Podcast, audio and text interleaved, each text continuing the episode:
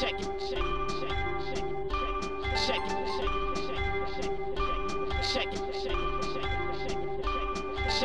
Zapraszamy na kolejny odcinek podcastu Codrive.pl, a w nim Grand Prix Hiszpanii oczami Cezarego i Aldony. Jaka panowała atmosfera w padoku po zwycięstwie Luisa? Czy papierek lakmusowy, jakim miała być Barcelona, wskazuje na dominację Mercedesa? Co dalej zrobi Max Verstappen z Red Bullem? Mówimy także o trwających testach opon Pirelli. Na torze pracuje Robert Kubica. Czy Lewis Hamilton będzie jeździł do 40? Toto Wolf nie widzi przeciwwskazań. Po co tak naprawdę Sebastian Vettel znalazł się w Astonie Martinie? Rozmawiamy także o tym, jak wyścigi wyglądają w covidowych warunkach. Brak fanów na trybunach zmienia obraz Formuły 1. O tym, jak żyje się w covidzie zespołom Formuły 1 zdradza nam Marcin Budkowski. A na koniec zapowiadamy zbliżający się weekend na Red Bull Ringu. WRT z Robertem Kubicą będą mogli ponownie zawalczyć o podium. Jak duży wpływ na wynik będzie miała pogoda?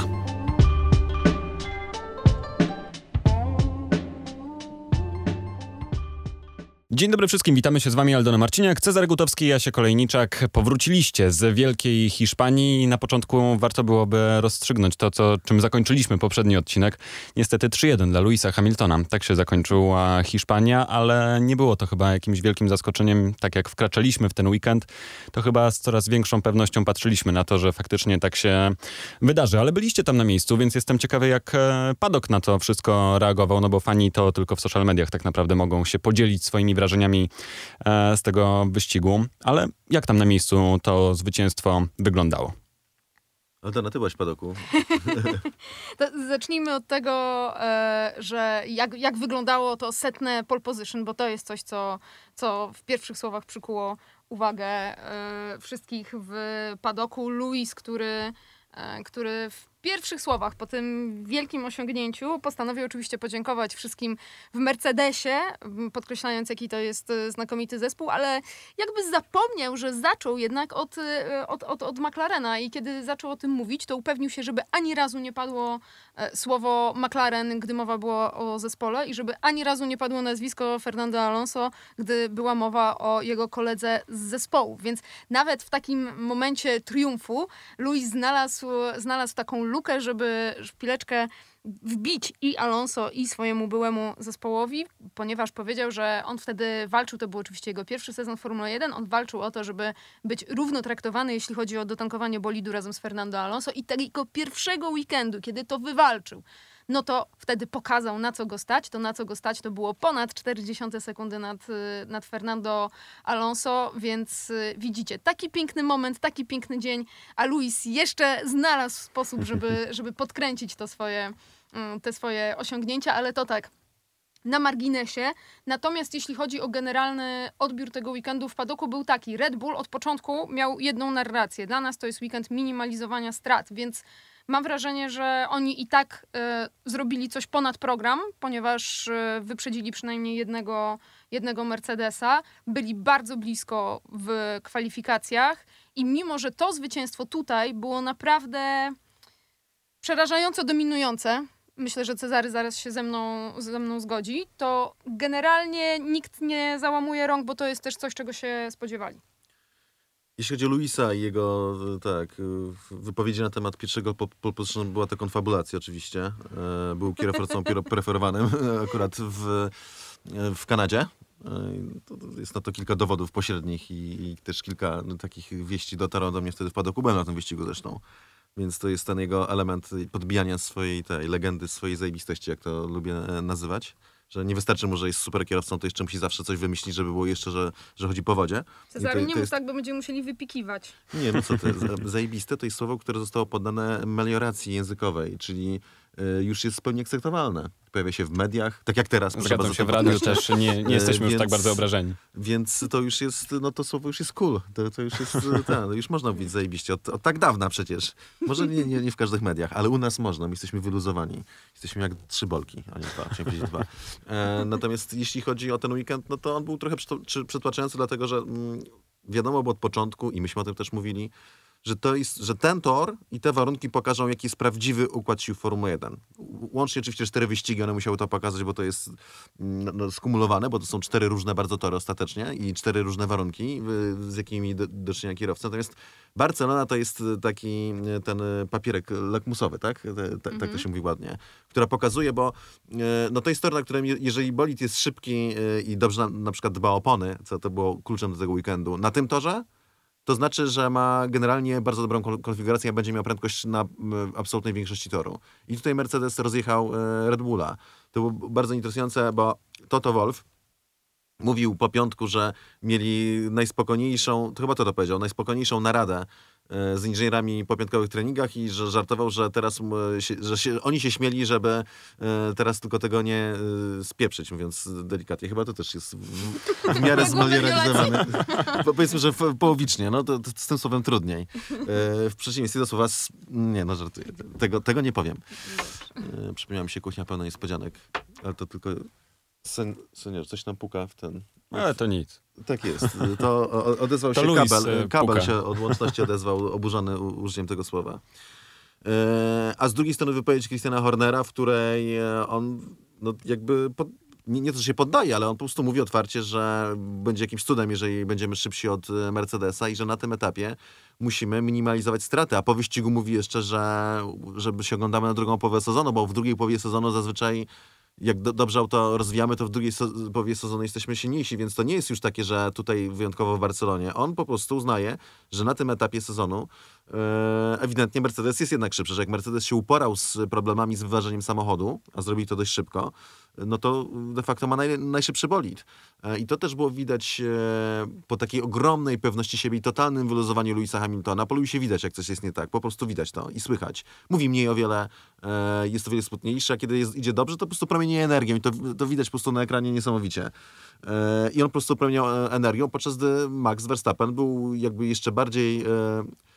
Obraźliwy niż zazwyczaj, czy tak bardziej gburowaty e, i taki bardziej defensywny jeszcze w swoich odpowiedziach e, i bardziej nerwowy jeszcze przed weekendem, w czwartek. Już tego e, oczekiwano, moim zdaniem. No i ostatecznie mieliśmy to przepieczętowanie.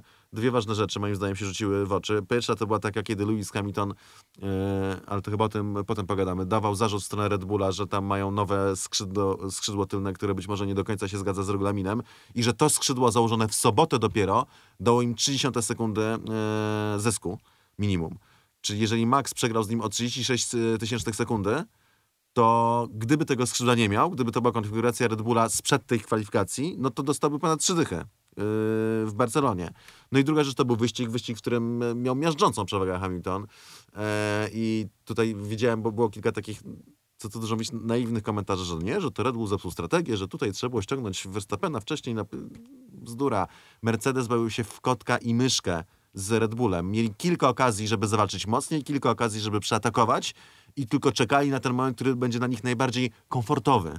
I, to, co pokazało najbardziej przewagę Mercedesa, to były te momenty, no, no po pierwsze to, że Luis przyjechał absolutnie fenomenalnym tempem e, na tych samych oponach medium, jechał, był o wiele, o wiele szybszy, odbierał po sekundę na okrążeniu do Maxa Verstappena. To jest ogromna przewaga. Do- Dodasz do tego e, DRS i masz dwie na prostej. Tak więc, y, no, jeśli chodzi o tempo wyścigu, na tym torze, który bardzo obciąża opony, i to jest ten czynnik limitujący, Mercedes rozjechał Red Bulla jak żabę. To ja tylko dodam, e, przeczytałam gdzieś taki, takie fajne ujęcie tematu, już nie pamiętam w tej chwili kompletnie gdzie, że mm, czy Max Verstappen mógł zrobić co innego i zjechać, e, zjechać wtedy, kiedy zjechał Luis? A no nie, nie mógł zrobić nic innego, musiał, musiał tam zostać i e, czekać na to, liczyć na jakiś cud. E, ponieważ różnica pomiędzy Red Bullem a mm, Mercedesem w tym wyścigu polegała na tym, że na torze, na którym tak trudno się wyprzedza i na którym potrzebujesz ogromnej przewagi tempa, wyliczano, że sekunda i 80 tyle potrzebujesz, żeby wyprzedzić kogoś na, na Katalunii. E, Max musiał wybrać pozycję na torze, musiał wybrać, e, postawić bycie liderem. Mm, I stąd też ten wszystko, wszystkie karty rzucone na, na, na start i na początek, bo wiedział, że z, że z drugiego miejsca czy z trzeciego miejsca to tempem, zarządzaniem opon, strategią Hamiltona nie pokona. Hamilton, on nie musiał mieć tego pierwszego miejsca po starcie. E, I nie było wielkim problemem to, że stracił. On nie musiał mieć tej pozycji na torze, nie musiał być liderem, bo on miał taką przewagę, jeśli chodzi o zarządzanie Mhm. opon, że i tak by ten wiedział, wiedział, że ten wyścig po prostu wygra. Trzymał w ręku wszystkie karty. Coś tam też potem się zbujał i konfabulował, że o, tutaj nie byłem pewien, czy odrobię. to było już Ale takie to jest takie naprawdę, gadanie Luisa, które Tak, co, tak, co, co Luisowe. wyścig słyszymy. tak, żeby show było więcej. Tak. Czyli co, tak naprawdę grobowa atmosfera w Red Bullu po tym e, wyścigu, bo do tej pory liczyliśmy się z tym, że no, ta walka powinna być wyrównana. Mówić, mówicie o tym e, papierku lakmusowym, jakim miała być e, Katalunia, ale mm, to nie wiem, mamy się już przygotowywać na to, że takich wyścigów, w których Mercedes de facto zdominuje, chociaż nie była to aż tak może widoczna dominacja, bo jednak coś się działo w tym wyścigu cały czas, no to tak naprawdę zapowiadacie e, sezon, który będzie dla Louisa Hamiltona i dla Mercedesa znowu zwycięski. Nie do końca, e, dlatego nie. że e, kolejny wyścig to będzie Grand Prix Monaco. Grand Prix Monaco odbywa się na torze Monte Carlo. E, prawda, że A, też jak zacząłem, zapełniłem eter pięcioma sekundami wypowiedzi, która nie miała sensu, ale jednak przedłuża nam podcast. Słuchaj, nieprawdę powiedziałeś? Prawdę, A? prawdę powiedziawszy, powiedziałem prawdę. E, tor Monte Carlo słynie z tego, iż na nim się opony e, prawie w ogóle nie zużywają. Teoretycznie można przejechać cały wyścig e, na jednym komplecie opon i niekoniecznie najtwardszych, być może nawet na najmniejszych by się dało, więc e, zniknie ten czynnik limitujący Red Bulla bardzo w Hiszpanii. Ta jedna prawidłowość, którą powinniśmy bardzo mocno notować po tym wyścigu w Hiszpanii, to jest taka, że w wyścigach na torach, na które mocno obciążają opony, więc e, głównie wy- wyścigi na torach, na których jest bardzo szorstki asfalt, ale nie tylko, bo czasami też e, gładkie tory także obciążają tylko w inny sposób opony, w- prze, poprze, poprzez grajnik. W każdym razie na torach takich, które mają nawierzchnię typu e, Barcelona, Mercedes będzie miał dużą przewagę. Ale na torze takim jak Monte Carlo nie do końca, bo mm, Red Bullowi nie, bra- nie brakuje prędkości. Red Bullowi brakuje e, rytmu na dużej liczbie okrążeń ze względu na to, jak obciąża opony. I w Monte Carlo nie będzie tego problemu. W Monte Carlo, jeżeli Max Verstappen zdobędzie pole position, e, to będzie miał ogromną szansę na to, żeby ten wyścig wygrać. No ale też Monte Carlo chyba będzie takim wyścigiem, na którym jednak ciężko w ogóle będzie e, wyprzedzać i raczej to też będzie w jakimś stopniu decydowało, bo w Barcelonie to Luis objechał Maxa po prostu na prostej, bez jakiegoś większego pocenia się tak naprawdę, chociaż no ten manewr nie był aż taki powiedzmy łatwy, no to gdyby poczekał okrążenie dłużej, to by po prostu w połowie prostej Maxa sobie wciągnął i podczas Grand Prix Monaco raczej takich sytuacji nie będziemy oglądali. Ale też się zastanawiam, czy jesteście w stanie wskazać, jak wiele będzie takich wyścigów, podczas których Red Bull tak teoretycznie ma szansę, tak jak właśnie w Monako, e, dojechać na pierwszym miejscu i gdzie będzie faktycznie w stanie rywalizować z Mercedesem i ta walka będzie się odbywać może bardziej strategicznie niż na poziomie prędkości. Monte Carlo. To jest dobry, dobry tor. Myślę, że Singapur będzie takim torem, który też będzie e, pomagał Red Bullowi. Wszystko będzie zależało też od tego, jak się będą rozwijały samochody po prostu. E, ale nie jesteśmy tego w stanie teraz przewidzieć. To będzie, możemy sobie teraz tutaj dywagować e, radośnie, ale, ale i tak nie przewidzimy tego, co przyniesie przyszłość. Wiemy natomiast, jakie wnioski daje nam przeszłość. Ciekawe jeszcze a propos Luisa jest to, co sam mówił po wyścigu, bo zwracał uwagę na to, że oczywiście nie był to e, łatwy wyścig, jak każdy zresztą w wykonaniu e, Luisa, e, ale zwrócił też uwagę na to, że jak sam mówi, nauczyłem się bardzo wiele na temat Maxa i być może w innych wyścigach to będę mógł wykorzystać. Oczywiście Luis zapytany o to, czy powie, czego się nauczył, to nie odpowiedział, ale to ja was zapytam, czego nauczył się Luis w takim razie, jak myślicie? On na bolidzie mówił w dużej mierze. E, tak naprawdę, Maxa. Nauczył się tego, że e, bolid Maxa Verstappena szybko zużywa opony. Jak zużywa szybko opony, to zaczyna nosić bolid po całym torze. I to było przed pierwszym pit stopem, to było bardzo widoczne. E, Max zjechał do boksu i zespół się jego nie spodziewał, bo to było, on Max wiedział, że na kolejnym okrążeniu to nawet Ruiz go prawdopodobnie w zakręcie wyprzedzi. Miał w tak fatalnym stanie opony i to się po, pogorszyło. Już było źle wcześniej, ale pogorszyło, pogorszyło się znacząco na tym jednym okrążeniu. Więc widział, że ma takie tendencje z całą pewnością na takich szorstkich torach, żeby te opony jakby bardzo szybko e, przestawały działać, dość gwałtownie. No i prawdopodobnie też widział to tylne skrzydło, tak, co się ten, co się uginęło. Tak sądzę, tak bym strzelał. Nie wiem, czy Aldona masz jakieś inne typy jeszcze? Nie, nie, nie, nie. Ja się zastanawiam, czy e, na przykład nie zaczął sobie wyobrażać e, takiej bliskiej walki, którą widzimy już podczas e, kolejnego wyścigu. Tak, Max znowu bardzo walecznie wychodzi na prowadzenie na pierw- podczas pierwszego zakrętu. I zastanawiam się, czy Luis też tutaj nie odczuwa jakiejś takiej nie wiem czy presji, ale jakiejś Nie. takiej świadomości może nie nabiera, że tutaj faktycznie na Maxa, Max nie odpuści. Luis na tym etapie przemawia z e, pozycji dominatora. Człowieka, który jest siedmiokrotnym mistrzem świata, który ma super zespół za swoimi plecami, który znowu się spisał i po ciężkim bardzo początku przygotowań i początku sezonu, też cięższym niż zazwyczaj, dał mu lepszy bolid. Jest lepszym zespołem do Red Bulla. I teraz patrzy po prostu z góry trochę na Maxa i trochę nas tak- tak podpuszcza, mówiąc o tej walce. Luis doskonale wie, że on teraz ma e, przewagę, że on ma atuty w rękawie, że to on rozdaje karty. Co nie oznacza, że tak będzie do końca sezonu. Natomiast Luis z tego wyścigu wyjeżdża jako facet, no, najpewniejszy siebie kierowca Formuły 1 znowu. Tutaj ja mam koncepcję, jeśli mogę, Mhm. bo e, ja mam wrażenie, że co innego widać, to znaczy co innego jest na papierze, co innego mm, nam się wydaje, a co innego widać właśnie po Luisie, bo na papierze, ja się rzeczywiście, tak jak mówisz, kolejny wyścig, w którym na pierwszym okrążeniu, na pierwszym, na, na starcie już w ogóle, na pierwszych zakrętach, coś się dzieje między Luisem a Maxem. Em, kolejny moment, w którym, w którym e, Lewis Hamilton traci na rzecz Maxa Verstappena po starcie. I kolejny moment, w którym tym najgroźniejszym rywalem na starcie nie jest dla Luisa Valtteri Bottas, co do którego może mieć zaufanie, że pojedzie tak, żeby go nie skrzywdzić, e, tylko Max, co do którego może mieć absolutną pewność, że pojedzie tak, żeby go owszem i skrzywdzić. Mm, Natomiast, więc na papierze to faktycznie wygląda na inną sytuację. Ale jak spojrzysz na tego Louisa Hamiltona w padoku podczas tych wywiadów, jak spojrzysz na tego Maxa Verstappena, to Louis jest człowiekiem ponad to. To jest, y, to, nie, wiem, nie wiem jak to dobrze opisać słowami, Blessed. ale To ma coś to. w sobie też, ale, ale ma w sobie coś takiego w, e, w tym jak podchodzi do, em, do, do, do, do wszystkiego teraz, em, że bije od niego wielki spokój. O ile Max troszeczkę mm, się miota, widać po nim emocje, widać po nim frustrację. E, pamiętacie jeszcze ten shoulder bump, jak się zderzyli, zderzyli ramionami. E, Luis w ogóle jakby, jakby był, był, z tego, był z tego wyłączony. Dlaczego? Bo jest tak pewny siebie w tym momencie, moim zdaniem. Ale też tak a propos tego, co mówisz, to jednak Luis ma dużo większe doświadczenie w takich e, sytuacjach i w takiej walce. W końcu ma już siedem tytułów mistrzowskich e, na koncie. To zbliżając się już powoli do końca e, Hiszpanii, zajrzyjmy jeszcze na moment do Red Bulla, w którym Helmut Marko bardzo, mm, nie wiem czy broni Maxa, ale na pewno staje za nim, mówiąc, nie możemy zrobić temu, tego Maxowi i będziemy, bo w końcu ma samochód, w którym może walczyć o Mistrzostwo Świata. Brzmi to trochę tak, jakby mieli e, poświęcać coś na e, rzecz jakiejś innej rzeczy, tak mówiąc trochę o maśle maślanym, e, ale jak długo Red Bull będzie walczył o Mistrzostwo Świata? Dadzą z siebie naprawdę 100% w tym sezonie, nawet kosztem być może przyszłego roku?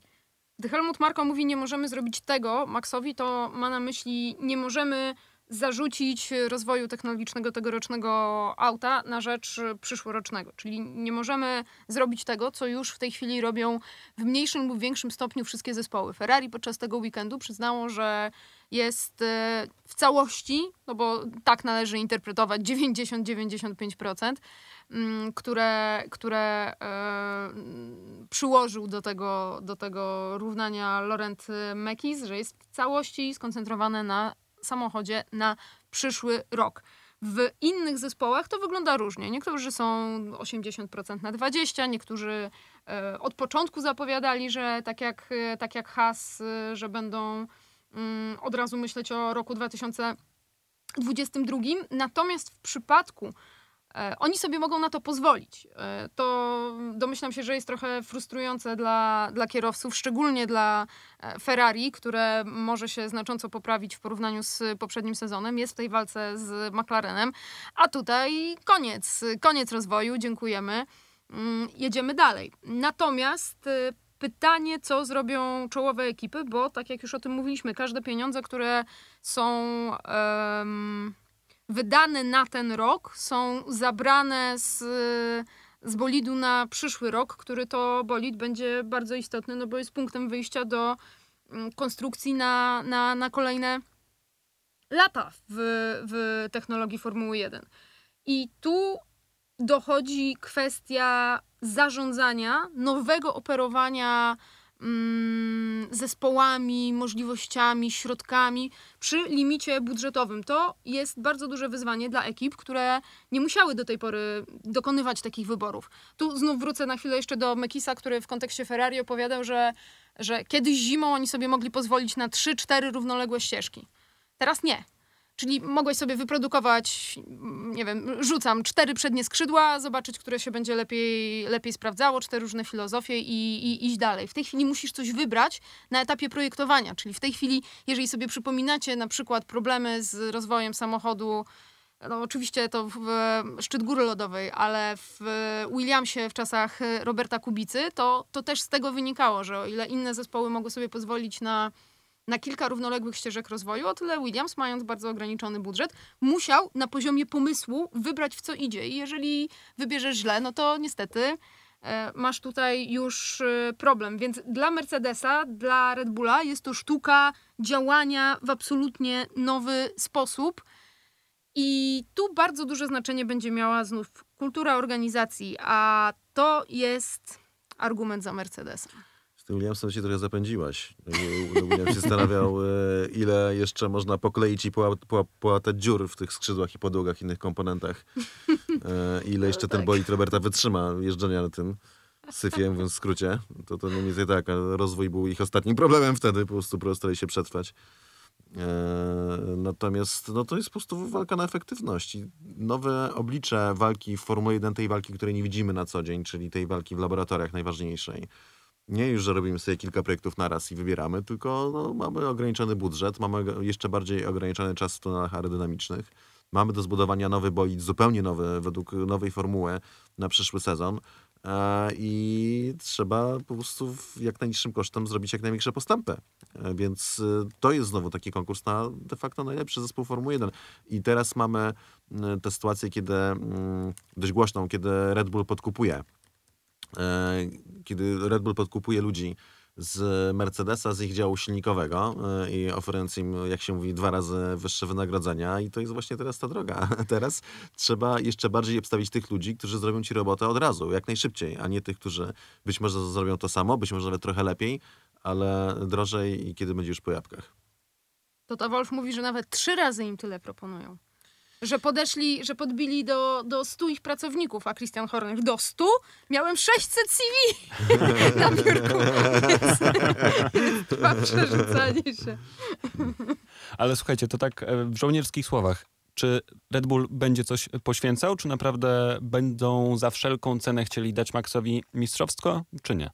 Myślę, że tak. Znaczy nie poświęcam przyszłorocznego sezonu i to zawsze będzie balansowanie, natomiast e, e, nigdy Red Bull wcześniej nie był tak blisko jak teraz. Więc e, no zobaczymy jeszcze, co zrobi Mercedes. Czy teraz Mercedes się nie będzie z nimi trochę tak droczył i nie będzie na przykład mając większą przewagę udawał, że ma mniejszą tylko po to, żeby ich wciągnąć ten, e, w, w ten wyścig.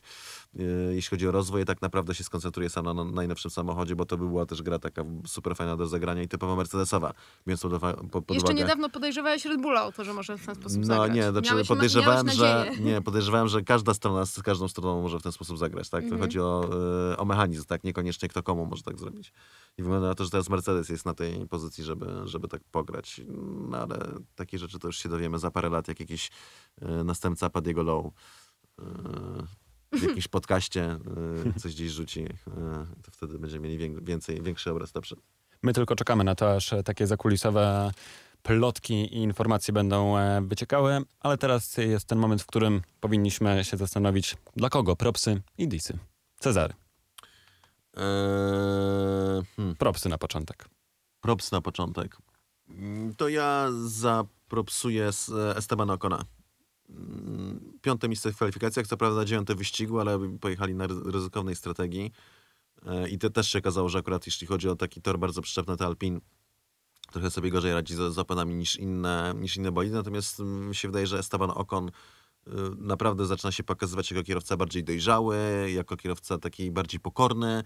E, jako kierowca bardzo szybki, jako taki kierowca, na jakiego mieliśmy nadzieję, kiedy wchodził, bo on wchodził ze świetnymi papierami z serii juniorskich i tego trochę zabrakło.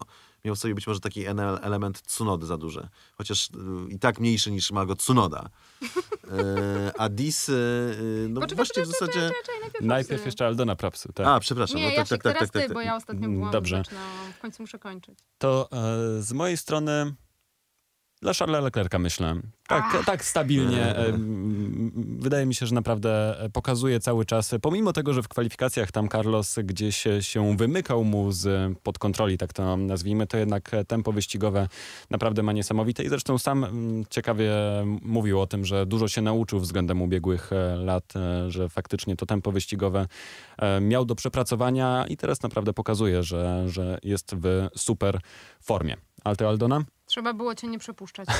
E, to w takim razie ja stawiam na, uwaga, tu was zaskoczę, Antonio Giovinazziego. Come Nie za on. wyścig. Już podziwiłaś. Widzę coś, co już na Nie, nie, nie, nie, nie, nie, nie. Ja, ja, ja mam pełne uzasadnienie do tego. Oczywiście, że Teraz tak. powiesz, że Markus Eriksson. Ale dobra, przepraszam. Nie, nie, nie. Słuchajcie, za kwalifikacje. Ten, ten chłopak trzy razy już w tym roku pokonał Kimiego Raikkonena. Nie pokonał go tylko raz na Imoli, gdzie miał problem z Mazepinem, jak wszyscy w tej stawce.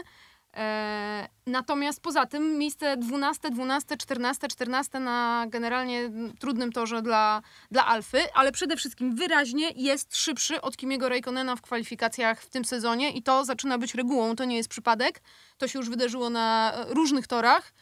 I e, jest to też taki trochę props y, na kontrze w stosunku do mojej opinii na temat y, Giovinazziego, bo po prostu w tym sezonie mnie pozytywnie zaskakuje tempem kwalifikacyjnym.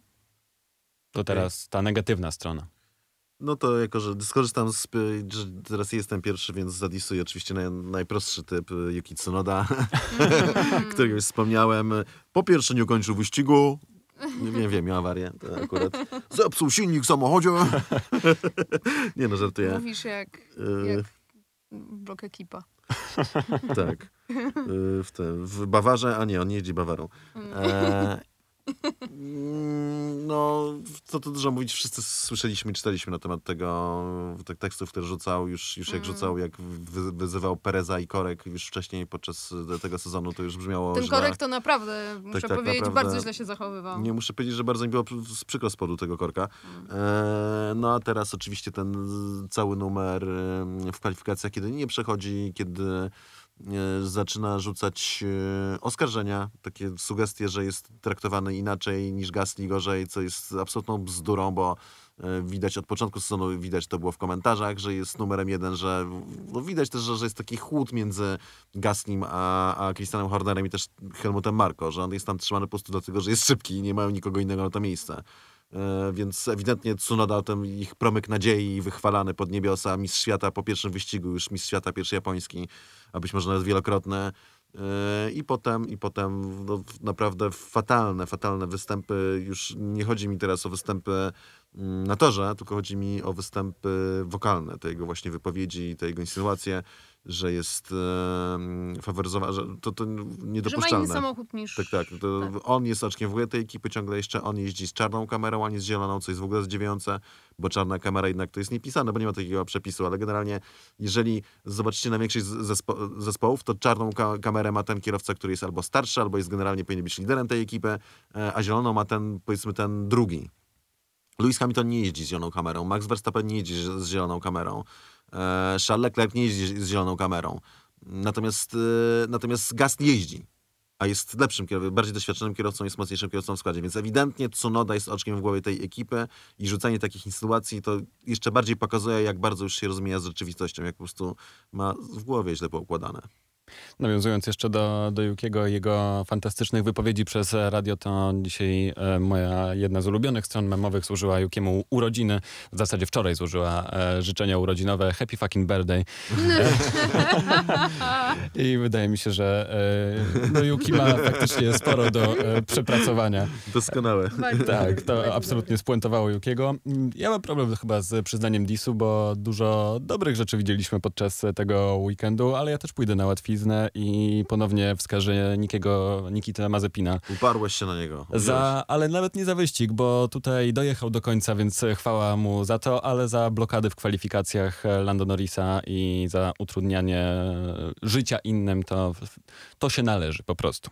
Swoją drogą ja powiem wam, że zgłupiałam w pewnym momencie, bo e, przed y, weekendem spytałam je, jeszcze wtedy nie było tej kary z Lando Norrisem, no ale już było parę komentarzy tutaj, że idiota, tutaj, że się nigdy nie nauczy i spytałam go, no, jak on się czuje słysząc to wszystko, czy on to rozumie, no bo to jest hit of the moment, czy, e, czy jednak czuje, że nie zasłużył na to. Mówi, ja podczas wyścigu słyszę sw- tylko swoje radio, więc nie wiem o czym mówisz, nie wiem do czego się odnosisz. I naprawdę zamurowało mnie do tego stopnia. Nie, no, Trzeba podać jakiś cytat. Trzeba było, natomiast Idiot. byłam tak, wiesz, no tak troszkę, They say you idiot. momencie. Nikita will never change, to Charles Leclerc. Tak, tak. tak. Więc y, trochę przyznam, że mnie tutaj y, y, zażył tą, tą Złoty odpowiedzią. chłopak. Y, Ja natomiast, i tutaj Jasiek nie będziesz się do mnie odzywał przez kolejny tydzień do następnego podcastu, e, stawiam na Lando Norrisa, który to Lando Norris miał problemy i w kwalifikacjach, i wyścig nie był jakiś super dobry i był wyraźnie pogubiony z tymi poprawkami, które McLaren przyniósł. Cały McLaren był pogubiony z y, nowym skrzydłem i podłogą, natomiast, y, natomiast y, Lando tym razem nie zrobił czegoś powyżej możliwości samochodu. Na tle Daniela Ricardo też prezentował się gorzej. I tak podsumowaliśmy sobie Grand Prix Hiszpanii. Coś Cezary jeszcze? Nie wiem, chciałem, nie wiem, czy taką formułę powinniśmy przyjąć, ale chciałem obronić trochę Lando, że tutaj już, no, come on, no, robotę robi Lando. Ale tutaj nie chcę, przepraszam, nie chcę ingerować, broń Boże, w niczyje wybory, e, ale, ale a dzisiaj coś wy, wydziwiasz. coś wyczarowałaś. No ale okej, okej. To- Na tym to polega, prawda? To chodzi. Wiesz, Aldona była w padoku w końcu, jak sam zauważyłeś, więc... Tak, po kolejnym wyścigu, po kolejnym wyścigu to Nikita będzie kierowcą, e, będzie dostanie propsa. No słuchaj, jeżeli się zaprezentuje wyżej niż na 20 pozycji, to chociaż tym razem już dojechał na 19. Wiecie co, no naprawdę. Grand Prix Hiszpanii, słuchajcie, za nami, ale w Hiszpanii pozostajemy dlatego, że wczoraj i dzisiaj trwają e, testy opon Pirelli w Barcelonie, którym się bacznie przyglądamy, dlatego że na torze e, widzimy Roberta Kubica. Mm, I Cezary złapał e, Cezarego i jeszcze będąc w... co ja powiedziałem? Chyba na odwrót. Cezary złapał Roberta. Tak, tak, tak. Siebie E, też no- czasami przyłapuję na dziwnych rzeczach. Nie tak lunatykuję. Zmierzałem do tego, że Cezary złapał Roberta, żeby właśnie o tych testach porozmawiać, więc posłuchajmy chwilę Roberta. Będzie to bolid e, dostosowany do 18-calowych felg e, i opon, e, jako konsekwencję oczywiście. E, Jest to dosyć ważny test, ponieważ jednak opony są ważnym elementem zmian regulaminowych na przyszły rok. Oczywiście bolid będzie dostosowany. Pierwszą jakby rzeczą, która musi być dostosowana, to są elementy aerodynamiczne pod bolidem, czyli podłoga, wszystko, ponieważ jednak 18-calowe felgi podnoszą znacznie bolid. Prześwit pomiędzy podłogą a, a, a torem. E, także będzie to jakby dostosowany bolid. Mam nadzieję, że nie możemy oczekiwać, że on będzie e, jakby dokładnie taki sam jak e, tegoroczny bolid lub też e, przyszłoroczny, ponieważ regulamin będzie zupełnie inny, ale miejmy nadzieję, że będzie wystarczająco ta konstrukcja e, dobra, żeby e, zrobić udane testy i jakby to są testy dla Pirelli. Oczywiście my je e, chcemy wykorzystać do zebrania danych i informacji na temat e, jakby nie było kluczowego aspektu e, przyszłorocznego regulaminu, czyli opon. Więc tak jak e, słyszeliście, dużo e, informacji będzie ważnych dla Alfy. Oczywiście ten bolid jest również dostosowany do tego, jak e, te opony w ogóle wyglądają, jak e, rozmiarowo... Wy w ogóle widzieliście już te opony na żywo? Może będąc tam w Barcelonie, gdzieś podejrzeliście? Tak jeszcze na marginesie. Na żywo nie, ale widziałem te opony na przykład... A nie było y, ich w Bahrajnie? Nie wystawili w... Mo- A możliwe, myślę, Gdzieś, że wydaje mi się, że gdzieś na pewno gdzieś wystawili je na boldzie Formuły 2. Na, na boldzie Formuły 2 na pewno wystawili, to na przykład w Abu Zabi były wystawiane. Aha, E, ale szczerze mówiąc, jakoś mnie to tak nie, nie, nie podnieca, bo moim zdaniem samochody na tego oponach wyglądają brzydko po prostu. I Mi bardzo się mi też się nie, nie, po- nie, podobają. poda- nie podobają, chociaż dużo osób mówi, że wreszcie będą miały potem poważne koła, a nie tam jakieś. No właśnie, moim Malutkie. zdaniem to jest złe bar- bardzo podejście. Moim zdaniem właśnie, to już mówiłem nieraz, e, kilka rzeczy mnie zachwyciło, kiedy się zaczynałem interesować Formułą 1 jako, jako nastolatek wczesny. E, Poza tymi pit-stopami niesamowitymi oczywiście prędkością e, i, i dźwiękiem silników było dla mnie niesamowite, że te koła tak wyglądają, że są takie balony, że są one takie potężne i że mają, takie wysokie profile te opony. E, I to jest dla mnie wpisane jakby w obraz Formuły 1 jako takiej, ten typ, ten typ ogumienia. A te nowe 18-calówki to wyglądają trochę tak, jakby komuś tam z parkingu zajmali z samochodu, bo zabrakło i do bolidu założyli. Ale może na tej przyszłorocznej konstrukcji to aż tak tragicznie wyglądać nie będzie. E, W każdym razie, powiedzcie mi, co Robert e, tak naprawdę, może czego Alfa raczej oczekuje od e, Roberta, bo z jednej strony widzimy Roberta, który, o którym nieraz mówiliśmy, że fantastycznie zbiera dane, że niesamowicie dzieli się informacjami z e, inżynierami, a z drugiej strony Red Bull na testy wystawia Alexa Albona, który no, kto słucha nasz podcast, to ten wie, że nie, niezbyt często go chwaliliśmy za swoje dokonania. Więc e, jaka tutaj jest misja Roberta? On sam mówi, że zbierają dane, które mają nadzieję, że będą mogli wykorzystać, ale to są bardziej dane dla Alfy, dla Pirelli. Co z tego tak naprawdę będzie? To są dane dla Pirelli przede wszystkim, ale dane, na które skorzysta Alfa, dlatego że no, trzeba będzie skonstruować nowy bolid generalnie od początku, a między innymi trzeba będzie się dostosować do opon, które pracują zupełnie inaczej niż dotychczasowe opony, które no, znają od dziesięcioleci.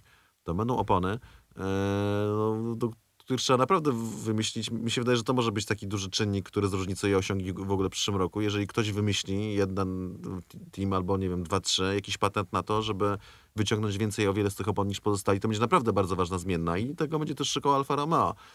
Czy to znajdzie wątpię, bo trzeba jeszcze chcieć szukać. Alfa Romeo to jest zespół, który fatalnie teraz funkcjonuje i to widać, co co wyścig widać e, jakieś, mówiąc w skrócie, e, fuck up e, z ich strony.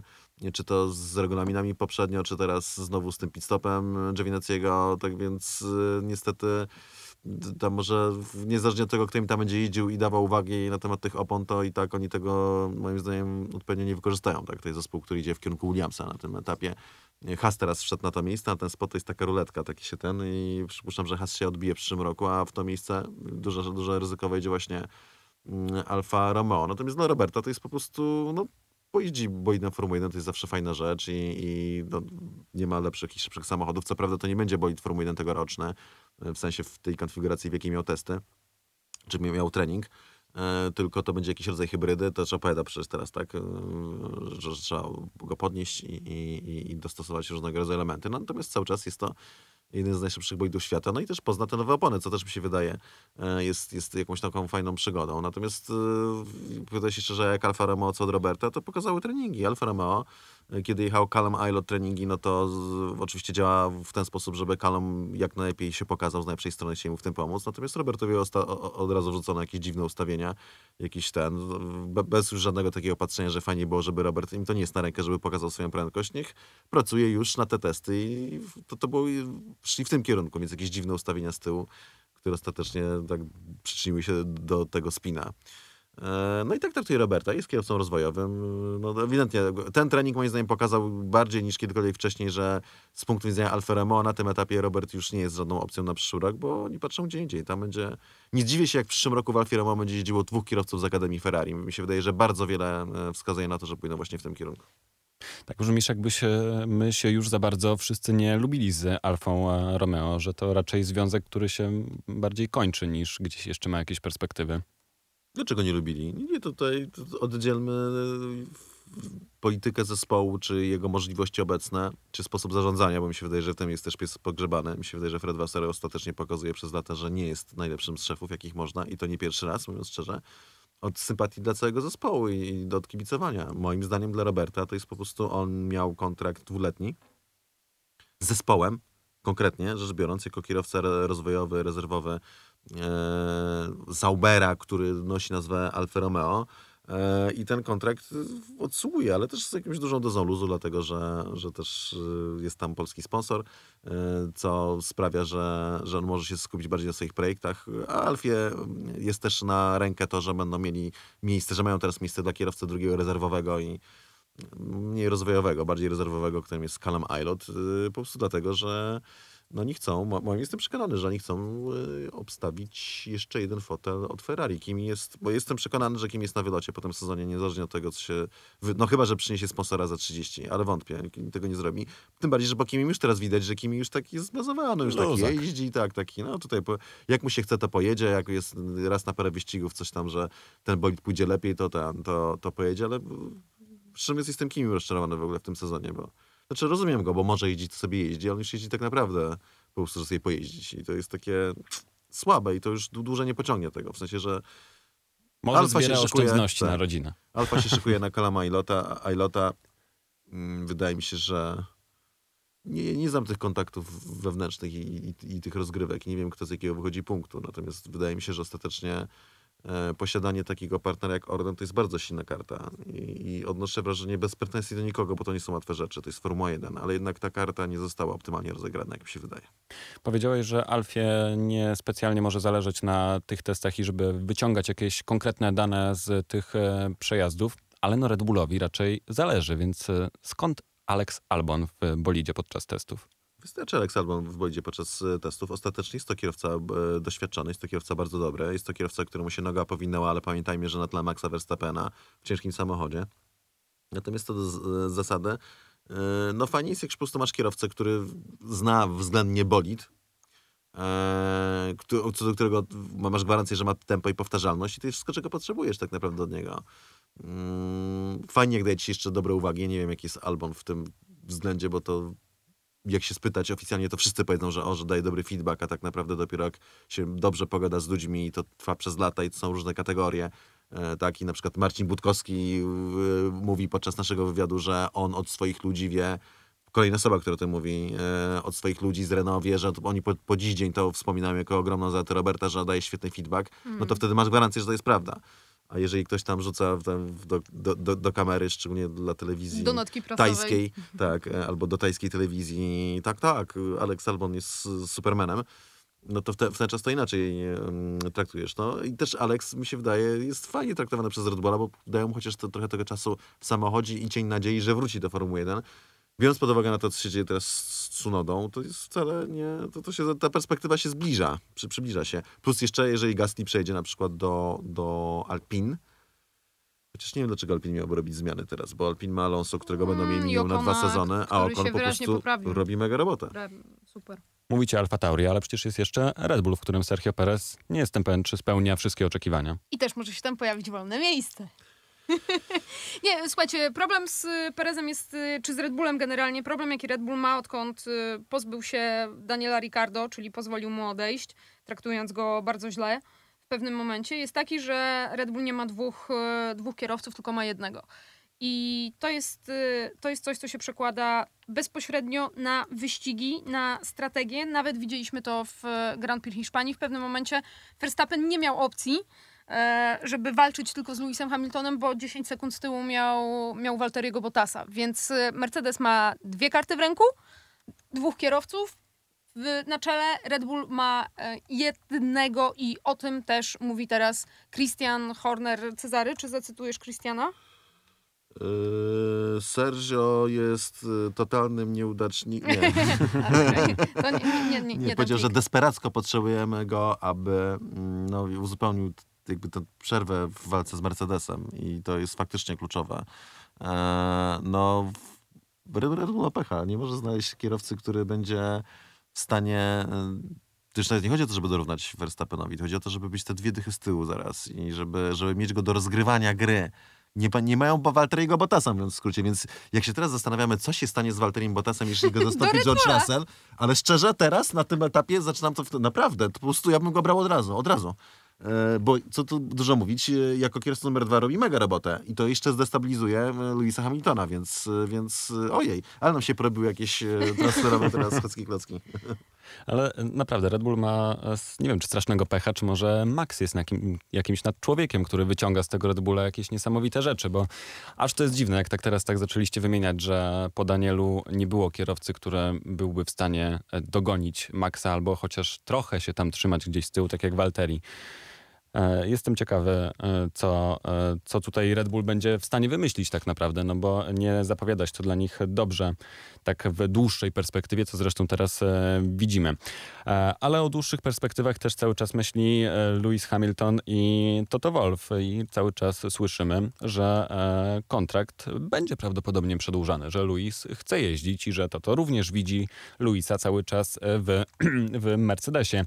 I Toto Wolff mówi o, o tym e, kontrakcie, że tak, powinien być ten kontrakt na dłużej niż e, rok. Nie chcemy być e, ponownie w stresującej sytuacji każdego roku, e, starając się ogarnąć jednocześnie wygrywanie wyścigów i negocjowanie kontraktu. Nie chcemy, żeby to się wydarzało co roku. Lewis Hamilton z kolei też e, mówił e, o tym, że jego ciało jest e, bardzo dobrze przygotowane do, do jazdy i cały czas utrzymuje się w reżimie treningowym. A to to jeszcze pytany e, o to, czy Lewis będzie w stanie jeździć do 40 w Mercedesie, mówi, że tak, absolutnie nie ma żadnych wątpliwości, więc chyba musimy się przyzwyczaić, że to będą dwie dekady z Lewisem Hamiltonem tak naprawdę i że te mistrzostwa tutaj są w perspektywie trzaskane cały czas. Mnie to nawet trochę przeraziło, że skoro tutaj te e, kontrakty są chętnie podpisywane albo chętnie się o nich mówi, no to, że Mercedes jest bardzo pewien też e, tej nowej formuły, na którą my wszyscy tak bardzo liczymy, że może coś się zmieni. Ile wątków w jednej wypowiedzi. Pragnę zacząć od tego, że bawi mnie y, wypowiedź Wolfa Toto, który to Wolf Toto y, mówi, że oni nie, nie mogą sobie pozwolić na to, żeby z, z roku na rok podpisywać na ten dyskomfort y, umowy z Lewisem Hamiltonem, prawda, z kierowcą. Podczas gdy Valtteri Bottas de facto przez całą karierę w Mercedesie ma podpisywany, chyba pierwszy miał niby na dwa lata z opcją coś takiego, ale generalnie ma po prostu z roku w ro, roczny kontrakt. Ma. chyba jest y, trochę y, inaczej mm, traktowany. Co do Luisa jeżdżącego po 40, czemu nie? Jest w świetnej formie i tutaj do, do, będę bronił jakby honoru kierowców po 40.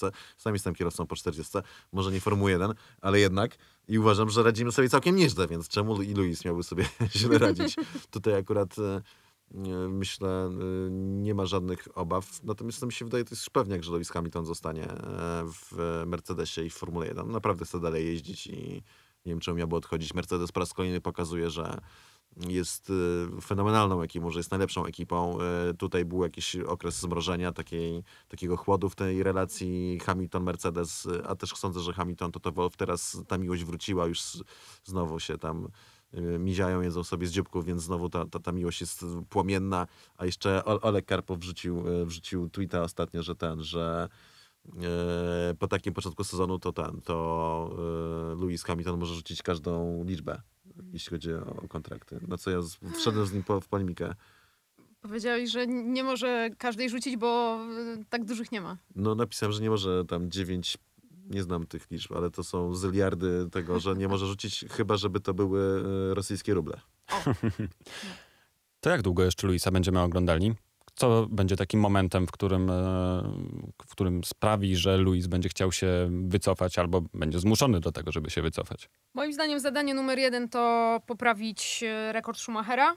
I w momencie, w którym zostanie statystycznie największym kierowcą w historii, to jest ten moment, w którym już będzie mógł decydować, czy chce robić to, czy woli się wygrzewać gdzieś na Bahamach albo innym Barbadosie, albo sobie grać na pianinie. Odejdzie w momencie, kiedy przestanie mieć zwycięskie auto, albo e, w momencie, kiedy sam już faktycznie no, znajdzie godnego siebie rywala w tym samochodzie obok, więc e, albo George Russell może go skłonić do odejścia, w co wątpię, albo po prostu znam, zmiana techniczna, zmiana reguł, reguł gry, duża, która nadchodzi, aczkolwiek y, no Mercedes jest jednak cały czas najlepszym zespołem Formuły tak, 1, ale- więc sobie poradzi. Lewis Hamilton, gdy tylko straci przewagę auta, to odejdzie, bo nie będzie chciał, żeby w ogóle było pole do otwarcia dyskusji, ile w jego tytułach było samochodu, a ile było kierowcy, która ta dyskusja i tak jest gorąca. Nie będzie chciał dawać tego argumentu, nie będzie chciał się mierzyć z nikim. Ale zostawmy tego Luisa, niech jeździ jak najdłużej, też mu dobrze życzę, no bo w koniec końców fantastycznie się ogląda to, co e, robi, pomimo tego, że doprowadza to nas w pewnym momencie do znużenia i e, frustracji,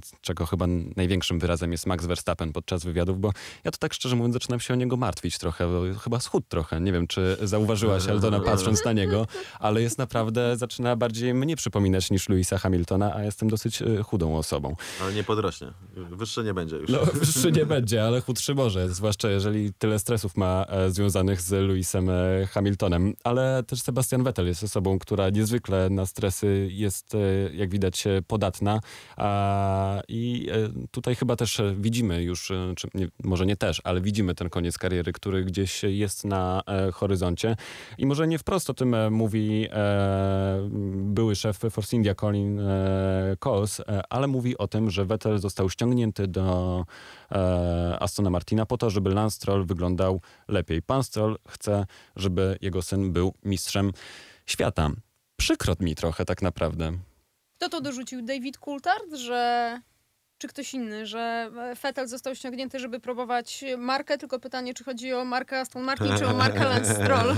Bardzo mądrze, ale żeśmy tu rozmawiali przed sezonem przecież nie raz i wysnuliśmy hipotezę, że jeżeli, że Vettel to będzie zawsze win-win situation, bo po pierwsze no, przynosi jakiś tam rodzaj marketingu, choć ten marketing e, podupada, natomiast jeżeli będzie szybki, tak jak czterokrotny mistrz świata, w co żeśmy trochę wątpili, no to w ten czas będą mieli szybkiego kierowcę, który zmotywuje e, zespół jako czterokrotny mistrz świata. Jak będzie zawodził, to wtedy będą mieli idealne narzędzie promocji Lance'a Strolla i proszę bardzo, wszystko idzie w tym kierunku. Pozwól, że trochę się sprzeciwię, to znaczy sprzeciwię się, bo to nieśmy, mówisz jak e, w zespole Formuły 1, Formuły 1. Razem win wygrywamy, together, razem przegrywamy, więc nie, tutaj nie, nie razem wygrywamy i nie razem przegrywamy, bo ty to mówiłeś, a ja trochę przecierałam oczy ze zdumienia, gdy to, gdy to mówiłeś, bo byłam przekonana, że Fetel tego strola nieszczęsnego rozjedzie. Naprawdę. Nie, nie, to by nigdy nie Byłam nastąpiło. pewna, byłam pewna, bo no, rozjedzie jak rozjedzie, ale że będzie wyraźnym liderem nie, teamu, Stroll że... nie jest tak sobie, jak ci się wydaje.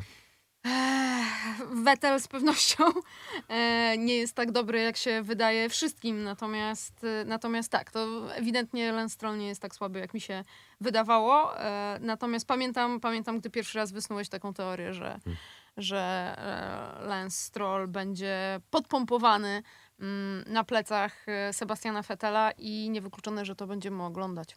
No, biorąc pod uwagę to, co robi teraz Sebastian Vettel, znaczy on jest lepszy niż teraz, niż to pokazało w zeszłym roku Ferrari, ni- niż Tak. teraz to wiesz na początku sezonu. Natomiast to cały czas nie jest tak, y, jeżeli oni naprawdę wierzyli w to, że Sebastian Vettel to jest kierowca, ten właśnie czterokrotny mistrz świata, tak jak kiedyś Alain Prost, to, to byli w grubym błędzie, bo to nie jest ten typ kierowcy i tyle.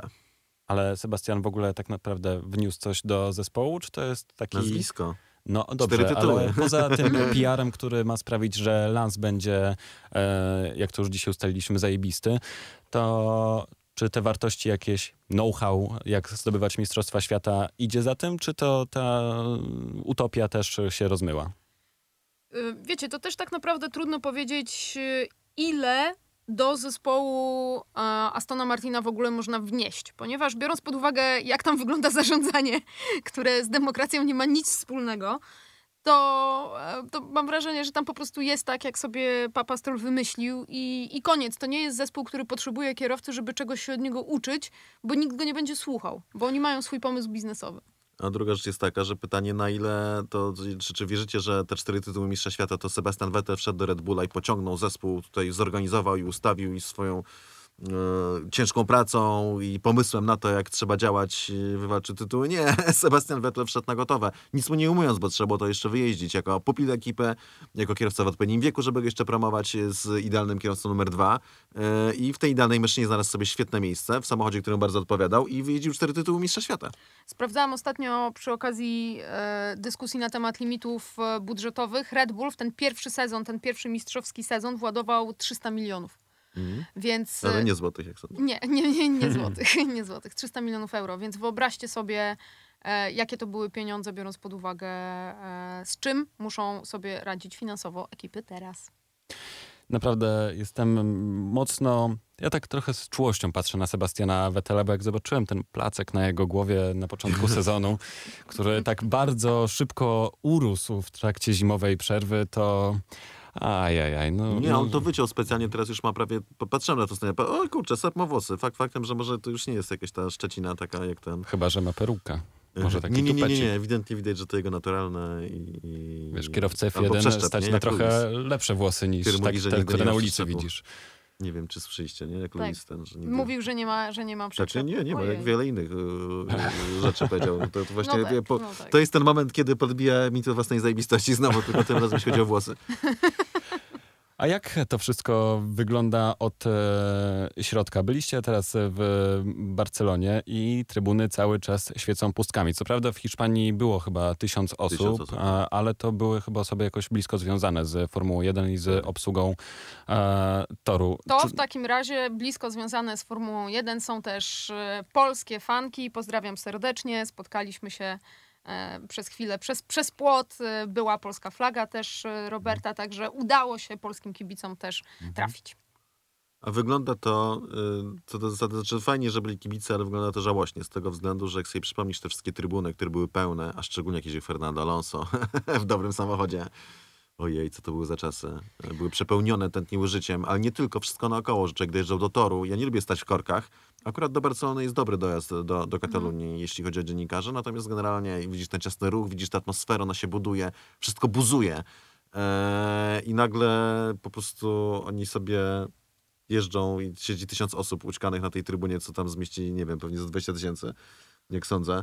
Eee, I tak, to, tak niestety wygląda to dość przykro, ale przynajmniej już coś się ruszyło i to był taki fajny bodziec. Natomiast jeszcze z, z takich właśnie ciekawostek z, z, z tego typu to po pierwsze, dla, bo wy mieliście parking dla mediów e, tych e, Nie, Elektronicznych? Mieliśmy, nie, nie, nie. My mieliśmy na parkingu serii towarzyszących. Nie wiem czemu, ale A, ja no jestem właśnie. seria towarzysząca. No to mieliście super w takim razie. My mieliśmy parking niby tak samo jak zawsze, ale okazało się, że nie. Po pierwsze kazali nam wjeżdżać inną bramą i to był totalnie kretyński O. pomysł, bo trzeba było objeżdżać tor dookoła. E, a w ogóle wyjazd trwał jakieś 7 minut dłużej, żeby dojść do tego samego punktu, do, do którego bym dojechał w 2 minuty, gdy mnie wypuścili tym wjazdem co, co zawsze. W, w ogóle bez sensu. I to organizacyjnie tragedia. I, to nie miało żadnego uzasadnienia. Bo w samochodzie przecież co? Bańka? Jaka bańka? No po, porąbało ich. No w każdym razie tak po, pokombinowali. I parking zazwyczaj jest e, dla mediów e, pod e, trybuną, ale główną, ale nie bezpośrednio pod, bo tam jest miejsce dla ludzi tam są jakieś te stragany i, i po prostu ludzie wchodzą na, na, na trybunę, tylko jakiś taki kawałek dalej, że jest znaczy, oddzielony jakby płotem i się przechodzi tam tym wejściem, który jest też dla kibiców, się przechodzi jako dziennikarz prasowy, ale mm, ale wchodzisz pod torem, jakby pod główną prostą jest taki tunel, który wchodzisz do podoku. A teraz y, y, za, pan mnie na, na skuterze pan mnie podprowadził w zasadzie y, tuż obok trybuny, na tym miejscu, gdzie właśnie kibice, gdzie stoją te sceny, gdzie stoją te stragany z różnymi y, memorabiliami, to tam po prostu parking dla mediów i to jest niesamowite, że wysiadasz, patrzysz na tą trybunę, jak to świeci pustkami e, i tam gdzieś przejeżdżają te bolidy Formuły 3 zrzu, zrzu, w echo i widzisz te pustki i sobie myślisz, kurczę, co się stało z tym światem? Gdzie, jakiś za, zaraza jest? Czy, czy jak? Wiesz co, ja się z tobą trochę nie zgodzę, bo ja akurat, y, y, o ile w Bahrajnie, gdzie też byli kibice, ale oni byli bardzo rozstrzeleni po, tym, e, po tej głównej trybunie, więc widać było, e, no, ta pustka aż biła po oczach, o tyle tutaj w Hiszpanii oni zostali dość mocno skumulowani, więc owszem było ich mało, ale z kolei już y, ceremonia na gridzie, gdy wyczytywano nazwiska, gdy wyczytywano Alonso, to jednak te tysiąc osób jest w stanie ci dać jakiś aplauz, szczególnie jeżeli siedzą blisko siebie. Tutaj, prawdę mówiąc, nie wiem na jakiej zasadzie to zadziałało, bo, bo tam za wielkich tych odstępów to nie było. Natomiast są ci w stanie dać chociaż trochę tej atmosfery, na którą, na którą czekasz, więc, e, więc mi się to podobało, naprawdę. A w Monako mamy potwierdzone, że na trybunę wejdzie 7,5 tysiąca e, osób i to chyba jak na ten tor tam e, to będzie chyba trochę ludzi. To Plus trochę jeszcze, lepiej. plus jeszcze trzy razy tyle na balkonach. No właśnie, więc z mieszkańcami to już jakoś będzie chyba normalnie wyglądało. Pytanie, jakie będą zastrzeżenia tam na miejscu, bo jednak wyjazd na Aldana idzie na Grand Prix Monaco, ja nie. Eee, ja przez lata nie lubiłem tego wyścigu, w- bo wyścig sam w sobie był zazwyczaj średnio ciekawy. I ten wyścig harmider, ten ruch i taki wszyscy to Monaco, Monaco. Ja oczywiście byłem na kontrze, młody, głupi, wiadomo. Eee, po, z wiekiem zmądrzałem, zacząłem jakby widzieć rzeczy, nie tylko na nie patrzeć, ale je spoglądać i pokochałem ten wyścig. Uwielbiam jeździć na Grand Prix Monaco, tylko że to musi być prawdziwe Grand Prix Monaco, czyli znowu z tymi ludźmi na ulicach, z tymi pozamykanymi właśnie ulicami, e, z tymi ludźmi na trybunach, e, z tym całym harmidrem, z tym patokiem żywym, tętniącym życiem.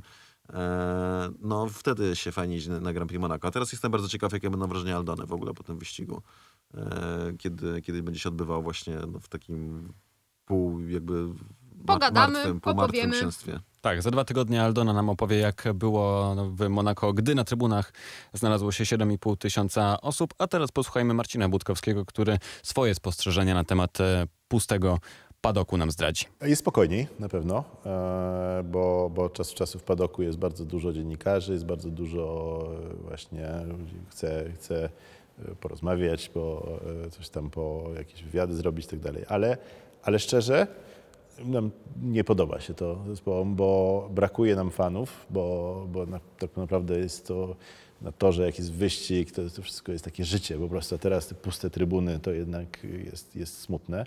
E, Ale też padok się zrobił takim miejscem bardzo takim spokojnym, gdzie w, końcu kręcimy się w własnym e, środowisku, wszyscy się widzą zespołów, ale fakt, że nie ma dziennikarzy, fakt, że nie ma e, gości zespołów, fakt, że nie ma gości sponsorów, też jest skomplikowane dla naszych sponsorów, którzy, którzy nas, e, nas wspierają i nam, e, nam e, umożliwiają e, właśnie e, uczestniczenie w tym, w tym sporcie. Nie mogą przyjść, nie mogą przyjechać na, na tor, nie mogą zaprosić swoich gości, więc to utrudnia. Kontakty robimy różne marketingowe, operacje na odległość, filmując siebie na, na telefonie albo przez kamerę, robimy wywiady przez, przez Zoom, ale to nie jest to nie jest to samo. Więc padok, padok się zrobił takim troszkę nudnym e, miejscem, mi, miejscem wyjątkowo dla, dla pracy i też podróżowanie ogólnie na wyścigi zrobiło e, inne. Mimo, że jak jesteśmy w, pracujesz w zespole, to bardzo ciężko pracujemy, bardzo późno, ale od czasu do czasu się uda wyjść na kolację, coś zobaczyć, coś zwiedzić, a teraz po prostu przyjeżdżamy, siedzimy albo na torze, albo w hotelu, nie widzi nikogo na torze niż oprócz ludzi z naszego zespołu i wracamy samolotem do, do domu jeszcze siedzimy w kwarantannie, jak wracamy, więc, więc e, tak, chyba mm, wydaje mi się, że wszyscy czekają z cierpliwością na, na lepsze czasy, gdzie padok się znowu zrobi żywym miejscem, e, gdzie jest dużo ludzi i dużo, dużo fanów, też dużo ludzi, którzy, e, których czuć pasję. I płynnie z tych covidowych tematów e, przelatujmy już na sam koniec dzisiejszego odcinka, a jest nim Red Bull Link i występ Roberta Kubicy w WRT podczas ELMS. I Robert, jak sam przyznawał e, w rozmowie, ma bardzo pracowity e, tydzień tak naprawdę, bo dwa dni testów Pirelli, później, jak zażartowałeś, teleportacja samolotowa do, mm, do Austrii. No i cały weekend związany z długim dystansem. Czego możemy się spodziewać po tym weekendzie? Bo po pierwszym wyścigu w Barcelonie na pewno nasze apetyty na dobre wyniki bardzo wzrosły i wszyscy byśmy chcieli przynajmniej powtórki podium. I to, jest to możliwe? Jest to oczywiście zawsze możliwe, natomiast y, będzie trudno. Ja wam powiem, czego się trochę obawia Robert przed y, Red Bull Ringiem. Pogody. Jak y, rozmawialiśmy teraz, teraz w Hiszpanii i no, właśnie powiedziałam, no to widzimy się na Red Bull Ringu, on tak patrzy, patrzy, no, ale pogoda będzie, będzie niedobra. E, ma padać i to... Mm, no to nie jest, nie, są, nie są warunki, myślę, w których, e, w których e, chcieliby ten wyścig rozgrywać. Chyba, że Cezary myślisz inaczej. Szczególnie, że zależy. E, ważne jest, że tam wchodzi nowy pakiet mm, techniczny dla samochodów LMP2, żeby spowolnić przed Le Mans, więc będzie dużo pracy nad samochodami. Kiedy tor jest mokry, to niewiele zrobisz tej pracy, nie wykorzystasz tego czasu, no bo po prostu na mokry tor się inaczej jeździ. Mm. E, I tutaj o wiele więcej jednak opiera się na wyczuciu i talencie kierowcy. I myślę, że pod tym względem to może im pójść dobrze. Tylko oczywiście cały czas bazowe ustawienia samochodu muszą być zdatne do tego, żeby udało się coś wyjeździć. No po prostu nie ma takiego asa, co to będzie królem deszczu, ale w aucie, które się do deszczu- jazdy w deszczu za dobrze nie nadaje, będzie wszystkich bił na głowę. To się, to się nie zdarzy, więc muszą mieć tutaj dobre bazowe ustawienia, jakieś tam względnie na to, żeby pojeździć w deszczu jakoś to ogarnąć i wtedy ten deszcz myślę, że im pomoże, jeśli chodzi o ten konkretny wyścig. Natomiast też y, znowu zaburzę obraz, bo niezależnie od tego, czy no wybrać sobie, że WRT wygrywa teraz w mokrym weekendzie mokry wyścig, no to wszyscy powiedzą, kurde, dwa zwycięstwa dla pierwsze weekendy rozjadą wszystkich jak żabę. A się może okazać, że w pierwszym wyścigu to akurat y, sprytnie wymyślili, co zrobić z nowymi oponami, podczas gdy był wyjątek od regulaminu w tym jednym wyścigu, że można było swobodnie żonglować i Robert wykombinował, co, jest, co zrobić, żeby ten wyścig dobrze pojechać. W drugim wyścigu pomogł im, im to, że się wstrzeli w deszcz, a w trzecim może się okazać, że klapa na przykład odpukać. Tak więc, e, a z kolei jak im nie pójdzie, no to też to nie będzie e, miarodajne, dlatego że no, to był deszczowy weekend, weekend wy- wyjątkowy, więc też ciężko jest ustalić, na czym kto stał. Więc on po prostu, jeśli będzie deszcz w Austrii, to on przyniesie dużo nie, nie, niejasności. Natomiast jeżeli będziemy mieli suchy weekend, no to w ten czas będziemy mieli już bardziej e, miarodajny odczyt tego, w jakiej formie w debiucie w tej kategorii jest zespół Roberta Kubicy.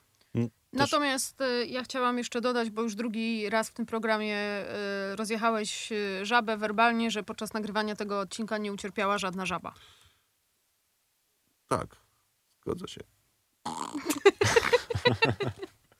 Ale słuchajcie, e, tak e, słucham waszych wypowiedzi a propos tego mokrego weekendu, e, no to brzmi to tak, że będzie to trochę weekend zmarnowany przez to, że ciężko będzie wyciągnąć jakieś dane i w ogóle przygotować się na to ze względu na ten e, nowy pakiet, który, e, który wchodzi, ale Robert będzie mega zmęczony już po, po testach e, formuły, będzie zmęczony po przygotowaniach do e, w ogóle wyścigu e, do, w ELMS. Ja się też zastanawiam, jak e, dużym wyzwaniem jest e, jazda w deszczowych warunkach w wyścigach długodystansowych. No bo to, że jest ściganie się ze swoją klasą, to jest jedna kwestia, ale przecież tam cały czas dochodzi do dublowania i cały czas się jedzie tak naprawdę, tak sobie to wyobraża, w strudze wody i to musi być niesamowicie męczące dla wszystkich kierowców. Oczywiście jest to potencjał na jakieś e, nieprzewidziane zdarzenia, takie głupie, to mówię w cudzysłowie, wypadki z wolniejszymi kierowcami. Natomiast e, a propos zmęczenia Roberta, wiecie ile Robert miał wolnych dni od e, lipca e, zeszłego roku do, do końca roku? Siedem. Osiem. Blisko. Jeden wolny weekend. Fajno. Więc- nie wiem niewiele więcej, mówiąc szczerze, ale ja nie mam, nie mam aż takich obowiązków i nie mam aż tak stresującej pracy. Natomiast y, to będzie ten pozytyw z kolei. Możliwość przyjechania mokrego weekendu czy mokrego wyścigu. Y, oni jeździli co prawda testy w Barcelonie, kiedy było mokro, ale jednak to co innego właśnie y, niż się jedzie w wyścig, więc to będzie dobre akurat pod kątem tego, że może padać na przykład Le Mans i fajnie było zaliczyć, zaliczyć chociaż jeden mokry wyścig, pojeździć parę godzin w tym tłoku w takiej sytuacji, tak więc akurat to będzie tego pozytyw. Natomiast Robert, no, rozmawialiśmy o tym w e, też wywiadzie na temat tego, spytałem go o to, jak się będzie ten, i, i, że to duże wyzwanie. E, No to przyznał, że ten, że nie wie, czy po pierwszym dniu testów Formuły 1 będzie w stanie wyjść o własnych siłach e, z bolidu. To posłuchajmy w takim razie, jak Robert zapatruje się na cały ten tydzień tak naprawdę, który jest naprawdę ciężki. Myślę, że przejechanie dwóch dni pełnych dni po 6 miesiącach niejazdy na to, że w Barcelonie e, będzie nie lada wyzwaniem fizycznym e, i, i, jakby można powiedzieć, że już po jednym dniu e, będzie ciężko wyjść z bolidu e, o własnych siłach. E, Zobaczymy, jak to wszystko będzie wyglądać. E, Na razie prognozy pogody są mieszane na wtorek. E, także zobaczymy. E, z, reguły, z reguły, tak jak mówię, przejechanie dwóch dni w Barcelonie e, jest, jest dosyć trudnym e, wyzwaniem. Jak tak patrzę na rozkład jazd, to w czwartek na Red Bull Ringu są te wolne sesje testowe i w piątek już się zaczynał weekend LMS, więc jak się teleportujesz, w sensie jak się... Je- Jest jedno tylko rozwiązanie, jest to samolot. Żeby skończyć testy o 6, 18 e, tutaj w środę, a w czwartek o 9 zacząć e, na Red Bull Ringu. No, logistycznie nie będzie to łatwe, tak jak mówię. E, e, przestawić się też nie będzie łatwo. E, zregenerować się e, po jazdach też nie będzie łatwo. E, także no, ogólnie czekają mnie z jednej strony fascynujący okres, kilka dni, z drugiej strony na pewno trudny, jeśli chodzi o, o to, co, jak to wszystko musi być zrobione i, i jakby e, no miejmy nadzieję, że wszystko pójdzie gładko. To słuchajcie, kończąc już e, ten e, cały nasz odcinek, musi to wybrzmieć. Gdzie WRT skończy ten wyścig waszym zdaniem? Na mecie mam nadzieję. Na mecie. To przede wszystkim. tak. Aldona? E, Myślę, że mm, podium to jest coś, co będzie bardzo dużym sukcesem i z tego powinniśmy się bardzo, bardzo cieszyć. Tak, szczególnie jeżeli to będzie podium na suchym torze, bez e, mm, takich dziwnych e, przygód innych, tylko po prostu wyjeżdżone, to będzie potwierdzenie, że faktycznie y, są w bardzo dobrej formie i jeżeli będą na podium, takim mocnym, wyjeżdżanym przez siebie, no to będzie wręcz można pomyśleć o tym, że będą walczyli o mistrzostwo w tym sezonie. I za to trzymajmy mocno kciuki, obserwujemy przez cały weekend, co będzie się e, działo na Red Bull Ringu. Cezary będzie na miejscu, więc na wszystkich socialach na pewno. Razem będziemy. Razem nawet będziecie, więc cała obstawa też, ja medialna Aldona plus e, Cezary będzie obsługiwała Red Bull Ring już w najbliższy weekend, a ja będę się spokojnie temu wszystkiemu przypatrywał.